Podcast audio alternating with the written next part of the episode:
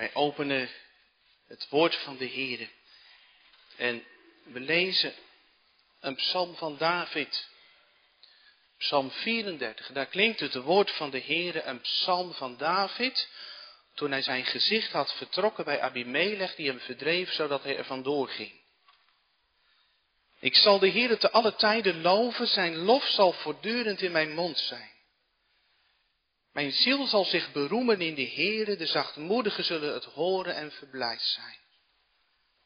Maak de Heere met mij groot, laten we tezamen zijn naam roemen. Ik heb de Heere gezocht en hij heeft mij geantwoord en mij gered uit al wat ik vrees. Zij zagen naar hem uit, ja stroomden op hem aan en hun gezicht werd niet rood van schaamte. Deze ellendige riep en de Heere hoorde. Hij verloste hem uit al zijn benauwdheden. De engel van de Heere legert zich rondom hen die hem vrezen en redt hen. Proef en zie dat de Heere goed is. Welzalig de man die tot hem de toevlucht neemt. Vrees de Heere u zijn heilige, want wie hem vrezen hebben geen gebrek. Jonge leeuwen lijden armoede en honger, maar wie de Heere zoeken hebben geen gebrek aan enig goed. Kom kinderen, luister naar mij. Ik zal jullie de vrezen des Heeren leren. Wie is de man die vreugde vindt in het leven, die dagen lief heeft om het goede te zien? Behoed je tong voor het kwaad en je lippen voor het spreken van bedrog. Keer je af van het kwaad en doe het goede, zoek de vrede en jaag die na. De ogen van de Heere rusten op de rechtvaardigen, zijn oren zijn gericht op hun hulpgeroep. Het aangezicht van de Heer is tegen hen die kwaad doen, hij zal hun nagedachtenis van de aarde uitroeien. Zij roepen en de Heere hoort, hij redt hen uit al hun benauwdheden. De Heere is nabij de gebrokenen van hart, hij verlost de verbrijzelden van geest. De rechtvaardige heeft veel ellende, maar uit dat alles redt de Heere hem. Hij bewaart al zijn beenderen, niet één daarvan wordt gebroken. Het kwaad brengt de goddeloze de dood. Wie de rechtvaardige haten, worden schuldig verklaard. De Heere verlost de ziel van zijn dienaren. Allen die tot hem de toevlucht nemen, worden niet schuldig verklaard. Dat is het woord van de Heere voor deze dienst. Tekst voor de prediking is vers 12. Psalm 34, vers 12. Daar klinkt het woord van de Heere. Kom, kinderen, luister naar mij. Ik zal jullie de vrezen des Heeren leren. Jongens en meisjes, morgen mag je weer naar school. Ik hoop dat je er een beetje zin in hebt. Wat zou je eigenlijk gaan leren in de nieuwe groep waar je naartoe gaat? Dan zeg je misschien, ja, dat weet, dat weet ik eigenlijk niet precies. Maar ja, de juf of de meester, die weet dat natuurlijk wel, hè? Die hoeft dat niet allemaal zelf te gaan verzinnen, wat ze moet leren aan jullie. Maar onze overheid, die heeft dat precies opgeschreven. Wat je moet leren in groep 1, groep 2, groep 3, groep 4, groep 5, groep 6, groep 7, groep 8. Onderwijsdoelen. Onderwijsdoelen.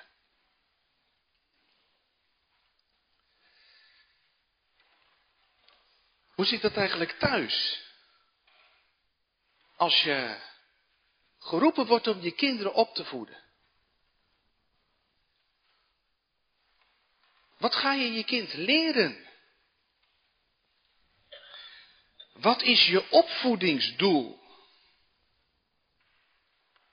Misschien dat wij ook wel eens, ja, niet zo heel bewust aan het opvoeden zijn. Ja, we doen de dingen zoals onze eigen ouders dat deden en op die manier gaan we verder, maar het is goed om na te denken over wat is het opvoedingsdoel Waar ben ik nou eigenlijk mee aan het werk als ik mijn kinderen opvoed? Misschien als je even je gedachten laat gaan dat je verschillende opvoedingsdoelen zou kunnen noemen. De een zegt, ja, ik vind het heel belangrijk dat ik beleefde kinderen heb. Niet brutaal, maar beleefd. Met twee woorden praten en zo. Of een ander zegt, nou ja, ik voed mijn kinderen op tot zelfstandigheid. Dat ze op eigen benen kunnen staan. Stukje bij beetje, totdat ze de deur uitgaan en dan, ja, dan moeten ze het zelf kunnen redden. Of een ander zegt, nou ja, ik vind het belangrijk dat mijn kind een goed diploma haalt. Dat hij goed terechtkomt, een goed inkomen later bij elkaar kan harken.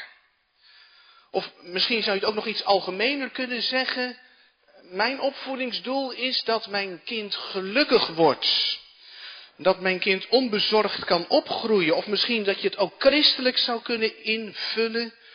Een opvoedingsdoel. Dat mijn kind naar de kerk blijft gaan. Mijn doel is dat mijn kind christelijke gewoontes leert. Bidden voor het eten.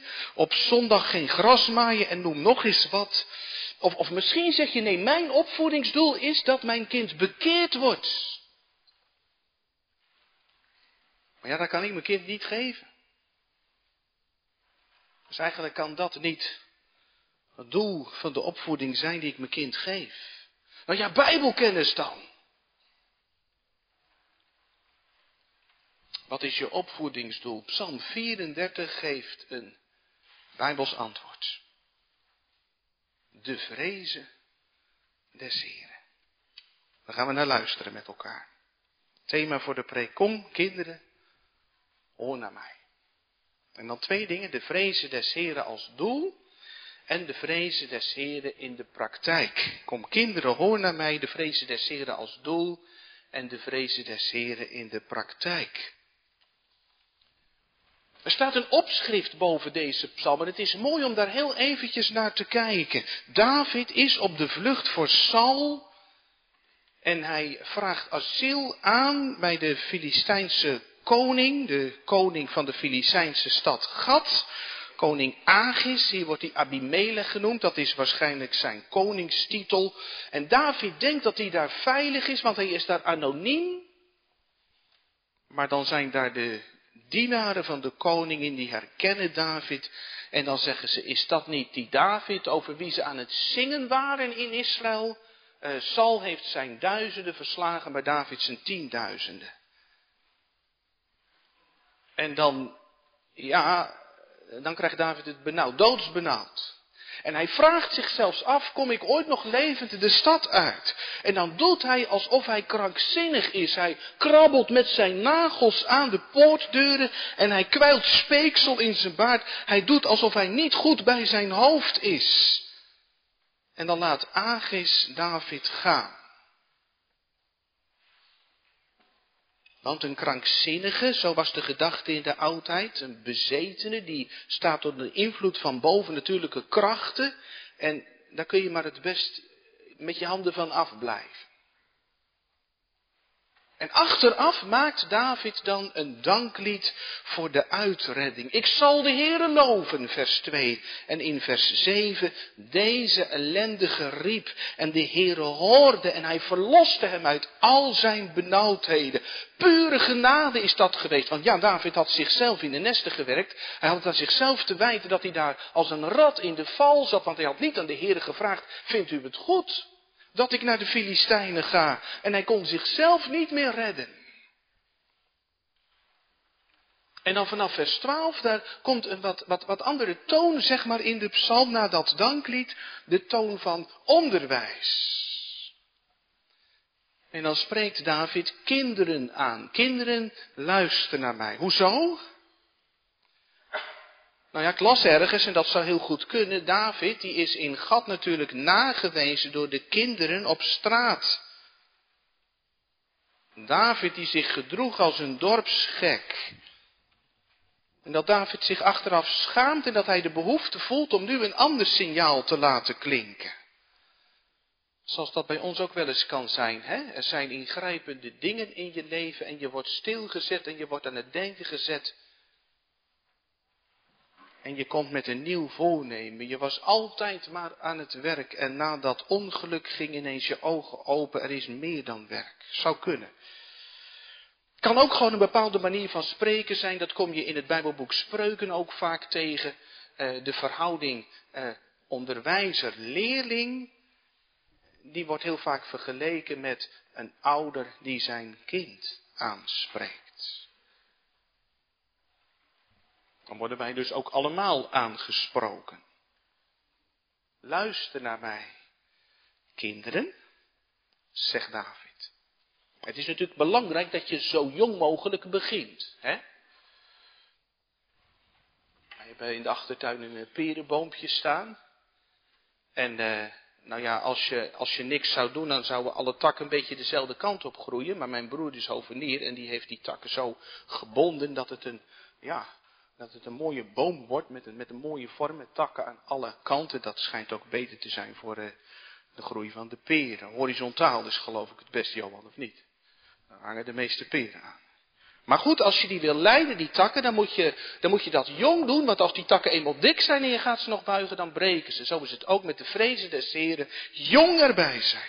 Kom, kinderen, luister naar mij. Zoals de juf op school doet als ze iets gaat vertellen, dan zegt ze allemaal recht op je stoel, armen over elkaar. Nu even goed opletten, want nu ga ik iets belangrijks aan jullie vertellen. Ik ga jullie wat leren, zegt David. Let op. Het is belangrijk dat je heel bewust aan het opvoeden bent, dat je weet wat je doet. Dat je niet alleen maar vormen, gewoontes overdraagt. Uh, ene meneer Piet van der Ploeg, die schreef in 1985 een boek, Testament zonder inhoud, een boek dat heel wat losmaakte. En uh, een van de belangrijke conclusies uh, in zijn boek was dat in de gereformeerde kerken heel veel jonge mensen de kerk hebben verlaten omdat ze aangaven, ik ben opgevoed bij vormen zonder inhoud. Vormen zonder inhoud. Stel nou jongens, je gaat van de week weer naar school en het is lunchpauze en je doet je tas open en je haalt je broodtrommel eruit en je doet hem open en hij is leeg. Dan moet je naar de kantine en dan ga je daar wat te eten halen. Nou, dat kan een keer gebeuren. En de volgende dag, hetzelfde verhaal, weer een lege broodtrommel. En dat blijft, maar wat doe je dan op een gegeven moment met die broodtrommel? Een lege broodtrommel, die neemt alleen maar ruimte in in je tas en die is toch al zo dik. Dan gooi je die broodtrommel eruit. Alleen vorm zonder inhoud. Nogal logisch dat je daar afscheid van neemt. David zegt, ik zal jullie de vrezen des Heren leren. Hij had ook wat anders kunnen onderwijzen, want David kon heel veel. Hij was muzikus, hij had kunnen zeggen, ik zal je leren hoe je hart moet spelen. Hij was koning, had kunnen zeggen, ik zal je leren hoe je land moet besturen. Hij was soldaat, had een reus gedood, hij had kunnen zeggen, ik zal je leren hoe je moet vechten. En hij was herder, hij had ook kunnen zeggen, ik zal je leren hoe je schapen moet verzorgen, hoe je met een slinger moet werken. En ongetwijfeld heeft David aan zijn kinderen ook andere dingen geleerd, maar dit is de kern. Laat het niet gebeuren dat onze kinderen later zeggen, ik heb geleerd van mijn pa hoe ik moet gras maaien. Hoe ik uh, suboptimale processen in een bedrijf verbeter. Hoe ik bloedonderzoek in een lab uh, uitvoer. Ik heb geleerd hoe ik moet vissen, hoe ik mijn brommer opvoer, hoe ik appeltaart bak, hoe ik ramen zeen hoe ik schoolboeken kaft, maar niet de vrezen des Heren. Zou het heerlijk zijn als de Heilige Geest dat in jullie harten legt, of opnieuw in jullie harten legt, dit voornemen. Ik zal je de vrezen des Heren leren omdat je zelf leeft van genade, net als David ontdekt hebt dat je daarvan moet hebben. Deze ellendige riep, ik kon mijzelf niet meer redden. Maar ik riep tot de Heer en de Heer verloste uit alle benauwdheden. Die vrezen des Heeren, die heeft eeuwigheidswaarde. Want wie de Heere vrezen, zegt vers 10, die hebben geen gebrek. Tijd en eeuwigheid. Maar wat is dat eigenlijk dan? De vrezen des Heren. Zegt iemand, klinkt een beetje ouderwets. De vrezen des Heren. Oh ja, in de, in de kerstgeschiedenis, hè, daar lees je over herders en die vrezen met grote vrezen. En die, die, die zie je in gedachten beven als een rietje, want er staat ineens een engel in het donker van de nacht. Wil God dat ik zo leef, dat ik beef als een rietje voor Hem? Nee. Trouwens ook niet doorslaan naar de andere kant, alsof de Heer een vriend is bij wie je kunt binnenlopen, hand in hand, kameraden, zoiets. De vrezen des Heeren, als je gaat lezen in de Bijbel en alle tekstjes op een rij zou zetten waarin het gaat over de vrezen van de Heeren, dan ontdek je eigenlijk twee polen. Heilig ontzag, heilige eerbied en kinderlijk vertrouwen. Mooi voorbeeld is misschien die drie vrienden van Daniel. Er staat een beeld in het dal Dura. En iedereen buigt voor dat beeld als de muziek gaat spelen, maar die drie vrienden die blijven overeind staan. Waarom? Omdat de Heere zegt dat je geen beelden voor zijn aangezicht mag hebben om je daarvoor neer te buigen.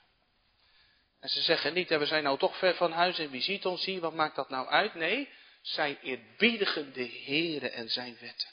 En tegelijk hebben zij kinderlijk vertrouwen, want ze zeggen tegen de koning, als het moet, dan kan de Heere ons verlossen uit de vurige oven en zo niet. Maar we zijn in de hand van de Heer, heilig ontzag en de kinderlijk vertrouwen. Heilig ontzag voor de Heere. De Heere die, die, die hoog verheven is en die ook zo dichtbij komt. De Heer is zo hoog verheven, zo heilig dat hij het kwaad niet eens kan zien. Mozes moet zijn schoenen van zijn voeten doen en Johannes op Patmos die valt als dood aan de voeten van de Heer Jezus neer. En tegelijk merk je dat de Heer met Mozes praat zoals een man met zijn vriend. De vrezen des Heeren, dat is de reactie op de ontmoeting met de levende God. Net als David. Die ontdekt wie de Heere voor hem is. Die hem redt uit de nood en dan wil David loven. Dat is de vrezen des Heren, dat je zegt wij hebben hem lief, omdat hij ons eerst heeft lief gehad. Een leven waarin God levende werkelijkheid is. De vrezen des Heren, daar staat die verbondsnaam, hè? Heren met allemaal hoofdletters. Vanmorgen is de heilige God, die in de hemel woont en die het kwaad niet kan zien, ook niet in ons leven. En die zegt, je kunt niet in mijn rijk komen tenzij je opnieuw geboren wordt. Die is toch zo nabij gekomen in de doop. En die heeft gezegd, Thijs, Lucas, ik ben God. Neem je aan tot mijn kind. Zorg voor je als een vader. Ik was je in het bloed van mijn zoon. En ik maak je nieuw door mijn geest. Nou, Johan, Anne, en Jonan en Bettine, zeg je het mee met David? Kom. Thijs, kom Lucas. God kwam in jouw leven. Ik zal je de vrezen des Heren leren. U wilt toch niet liever? Als je de Heer hebt lief gekregen. Kinderen opvoeden voor deze God die alles meebrengt wat je nodig hebt om getroost te kunnen leven en sterven. Maar dat is dus wel echt iets wat je moet leren, de vrezen des Heren. Dat zit er niet ingebakken, ook bij Lucas en Thijs niet. Zonder jullie, menselijke wijs gesproken, zullen ze niet weten wat de vrezen des Heren is. En hoe kun je het dan leren? Nou, vooral door je leven. Een meisje zei ooit, de beste preek die ik ooit gehoord heb, was het leven van mijn moeder.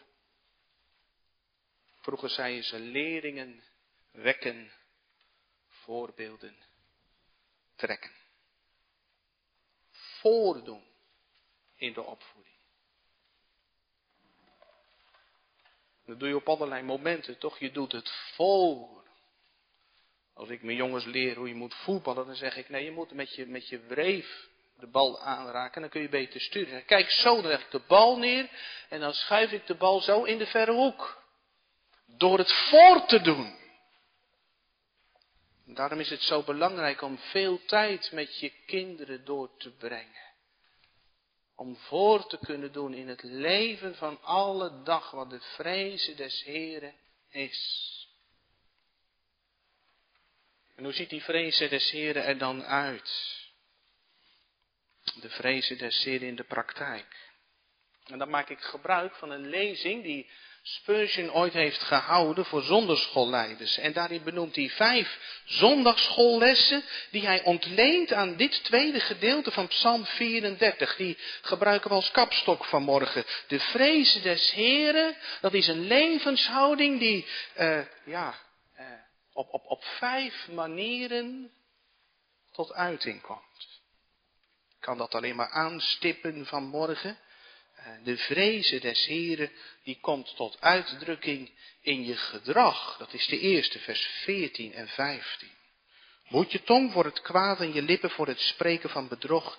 Keer je af van het kwaad en doe het goede. Zoek de vrede en jaag die na.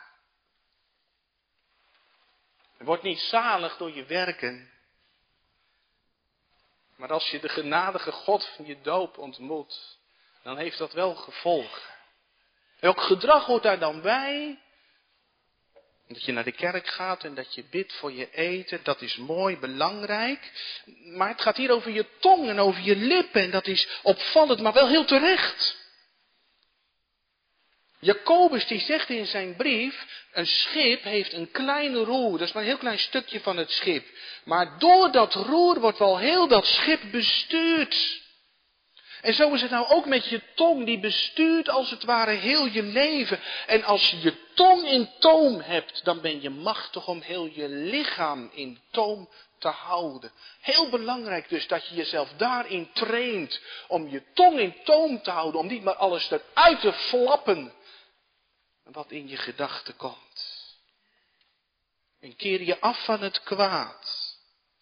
Het kwaad wegklikken, wegdraaien als de groep het verkeerde pad kiest. Zoek de vrede en jaag die na. Niet alleen het verkeerde nalaten, maar juist ook het goede doen. Niet alleen maar niet schelden op je broer of je zus, maar juist wel vriendelijke woorden spreken. Geen ruzie maken zijn, maar de vrede najagen. Zoals Saul op David joeg zo de vrede najagen, gespitst zijn op dat wat de vrede, de eenheid bevordert. Dus gedrag. Dat is het eerste. Tweede, geloof. Kijken we naar vers 16. De ogen van de Heere rusten op de rechtvaardigen, zijn oren zijn gericht op hun hulpgeroep. vrezen des Heren blijkt in een leven in geloofsvertrouwen. Het geloof dat de Heere ons voortdurend ziet en hoort. Niet als bewakingscamera zoals ze overal eh, in China hangen. Je bent uh, overal gezien. De overheid houdt je in de gaten. Je zou er bang van worden. Het gaat hier over een oog dat juist in liefde gadeslaat. Geloof in de voorzienigheid Gods. Die omwille van zijn Zoon Jezus Christus mijn God en mijn Vader is. Wie ik zo vertrouw dat ik niet twijfel of hij zal mij met alle nooddruft van lichaam en ziel verzorgen. En ook al het kwade dat hij mij in dit jammerdal toeschikt. Maar dat is er ook, vers 20. De rechtvaardige heeft veel ellende. Maar God kan dat ten beste keren. Hij kan dat doen als een almachtig God en hij wil dat doen als een getrouw vader. Ik hoor nooit het verhaal van een collega die als eh, klein jongetje op uh, Flaké de watersnoodramp van 1953 heeft meegemaakt. Hij was samen met zijn vader op het dak geklommen vanwege het stijgende water. En om hen heen zagen ze schuren en huizen instorten. En toen riep die jongen, bidden papa. En toen heeft die vader met zijn jongen op het dak gebeden. En toen had die vader net amen gezegd. En die jongen zag het water. En ingestorte huizen en schuren. En toen zei die vader nog een keer. En toen zei die vader, nee jongen, de Heere weet er nu van. Geloofsvertrouwen. De heidenen denken dat ze om de veelheid van hun gebeden verhoord worden. Een christen weet, er is een God die hoort en in de grootste smarten blijven onze harten in de Heere gerust. Derde, te maken heeft met uh, de vrezen Heeren in de praktijk. Uh, gericht Vers 17. Het aangezicht van de Heer is tegen hen die kwaad doen. Hij zal hun nagedachtenis van de aarde uitroeien.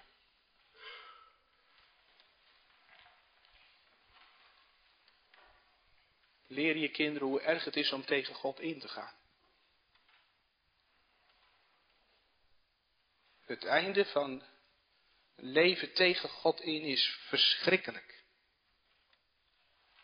Het aangezicht van de Heere is tegen hen die kwaad doen. Als je, ja misschien dat dat, uh, misschien dat dat wel eens voorkomt bij Levi. Dat je een keer een heel boos gezicht trekt. Vind een kind niet leuk. Dan kijkt hij weg. Kan een kind niet tegen. Boos gezicht. Zorg ervoor dat je kind er niet tegen kan dat God een boos gezicht moet trekken. Dat je kind de Heer lief heeft. Het is vreselijk om tegen God in te gaan. Als God tegen ons is, wie zal dan voor ons zijn? Wees eerlijk over de ernst van de zonde. In die lezing voor die zonderschoolleiders vertelt, vertelt Spurgeon een, over een gezin waarin een zoon verongelukt was. Een zoon die goddeloos leefde. En toen riep de vader van dat gezin zijn andere jongens bij elkaar, waren blijkbaar alleen maar jongens.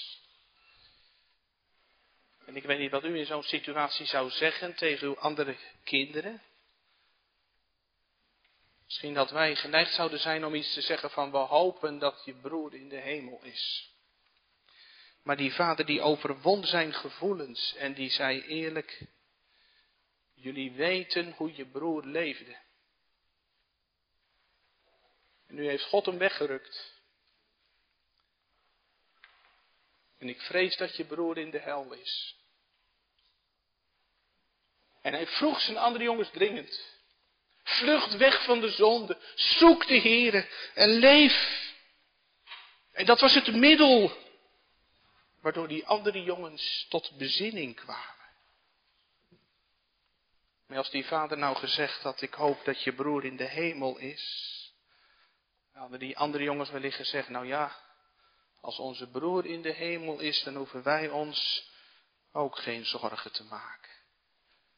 Nee, er zijn twee soorten mensen, vers 16 en 17, rechtvaardigen en mensen die kwaad doen. De vrezen des Heer is ook dat je bang bent om te zondigen, om God verdriet te doen. En een vierde les, vers 19 gebrokenheid.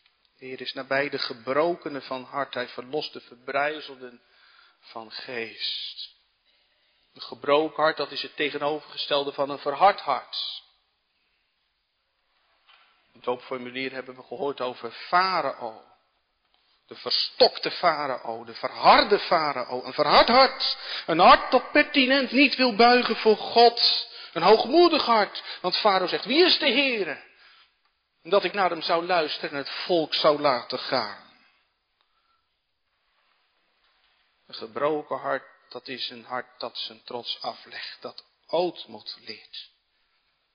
Net als in het leven van Saulus. Omdat God genadig ingrijpt. Een licht van de hemel. En vroeger was het voor Paulus, mijn wil geschied. En dan leert hij bij de Heere, wat wilt u dat ik doen zal? Leer je kinderen om niet meer hun eigen leven te leven, maar dat mee te bidden. Gebrokenheid. En uh, een vijfde les, uh, geluk. Wie de Heere vrezen, wie de vrezen des Heeren kent, die is een gelukkig mens. Moet je eens kijken, vers 20, de Heere redt. Vers 21, de Heere bewaart. En vers 23, de Heere verlost. Wie tot hem de toevlucht nemen, worden niet schuldig verklaard. Een kind proeft het echt wel. Hoe je in de kerk zit. Of dat nou echt leeft in je hart, hè? Wat blijdschap smaakt mijn ziel. Wanneer ik voor u kniel in het huis dat gij u hebt gesticht, hoe branden mijn genegenheden. Dat zing je toch niet met een somber gezicht. Gaat het toch van binnen mee trillen. Wat een geluk. Om de Heer te mogen kennen en de Heer te mogen vrezen. Wat een geluk om met de Heer te mogen leven. Wat een geluk om met de Heer te mogen sterven. Hebt u wel eens aan het sterfbed van een kind van God gestaan? Kan een onuitwisbare indruk achterlaten. Ik heb dat misschien wel eens verteld, dat ik ooit op de IC in Groningen was. Waar een jonge vader aan de beademing lag, een jonge vader die de Heer vreesde en de stekker zou eruit gaan. Want geen dokter kon nog iets voor hem betekenen. En onze harten huilden. En de zus van die jonge vader, die stelde voor, zullen we, zullen we eerst wat zingen nog. En toen stelde ze voor om dat lied te zingen. Ik ben reizend naar die stad waar Christus het licht zal zijn om eeuwig daar te zijn met hem. Verlost van zonde en pijn. God zelf wist daar de tranen droog. Geen smart meer daar omhoog. Een machtig perspectief. In dat afgrijzelijke verdriet van toen. En toch te mogen weten, de Heere verlost de ziel van zijn dienaar. Prezen des Heren in de praktijk. Gedrag, geloof, gericht, gebrokenheid, geluk. Kom kinderen, ik zal je de vrezen des Heren leren.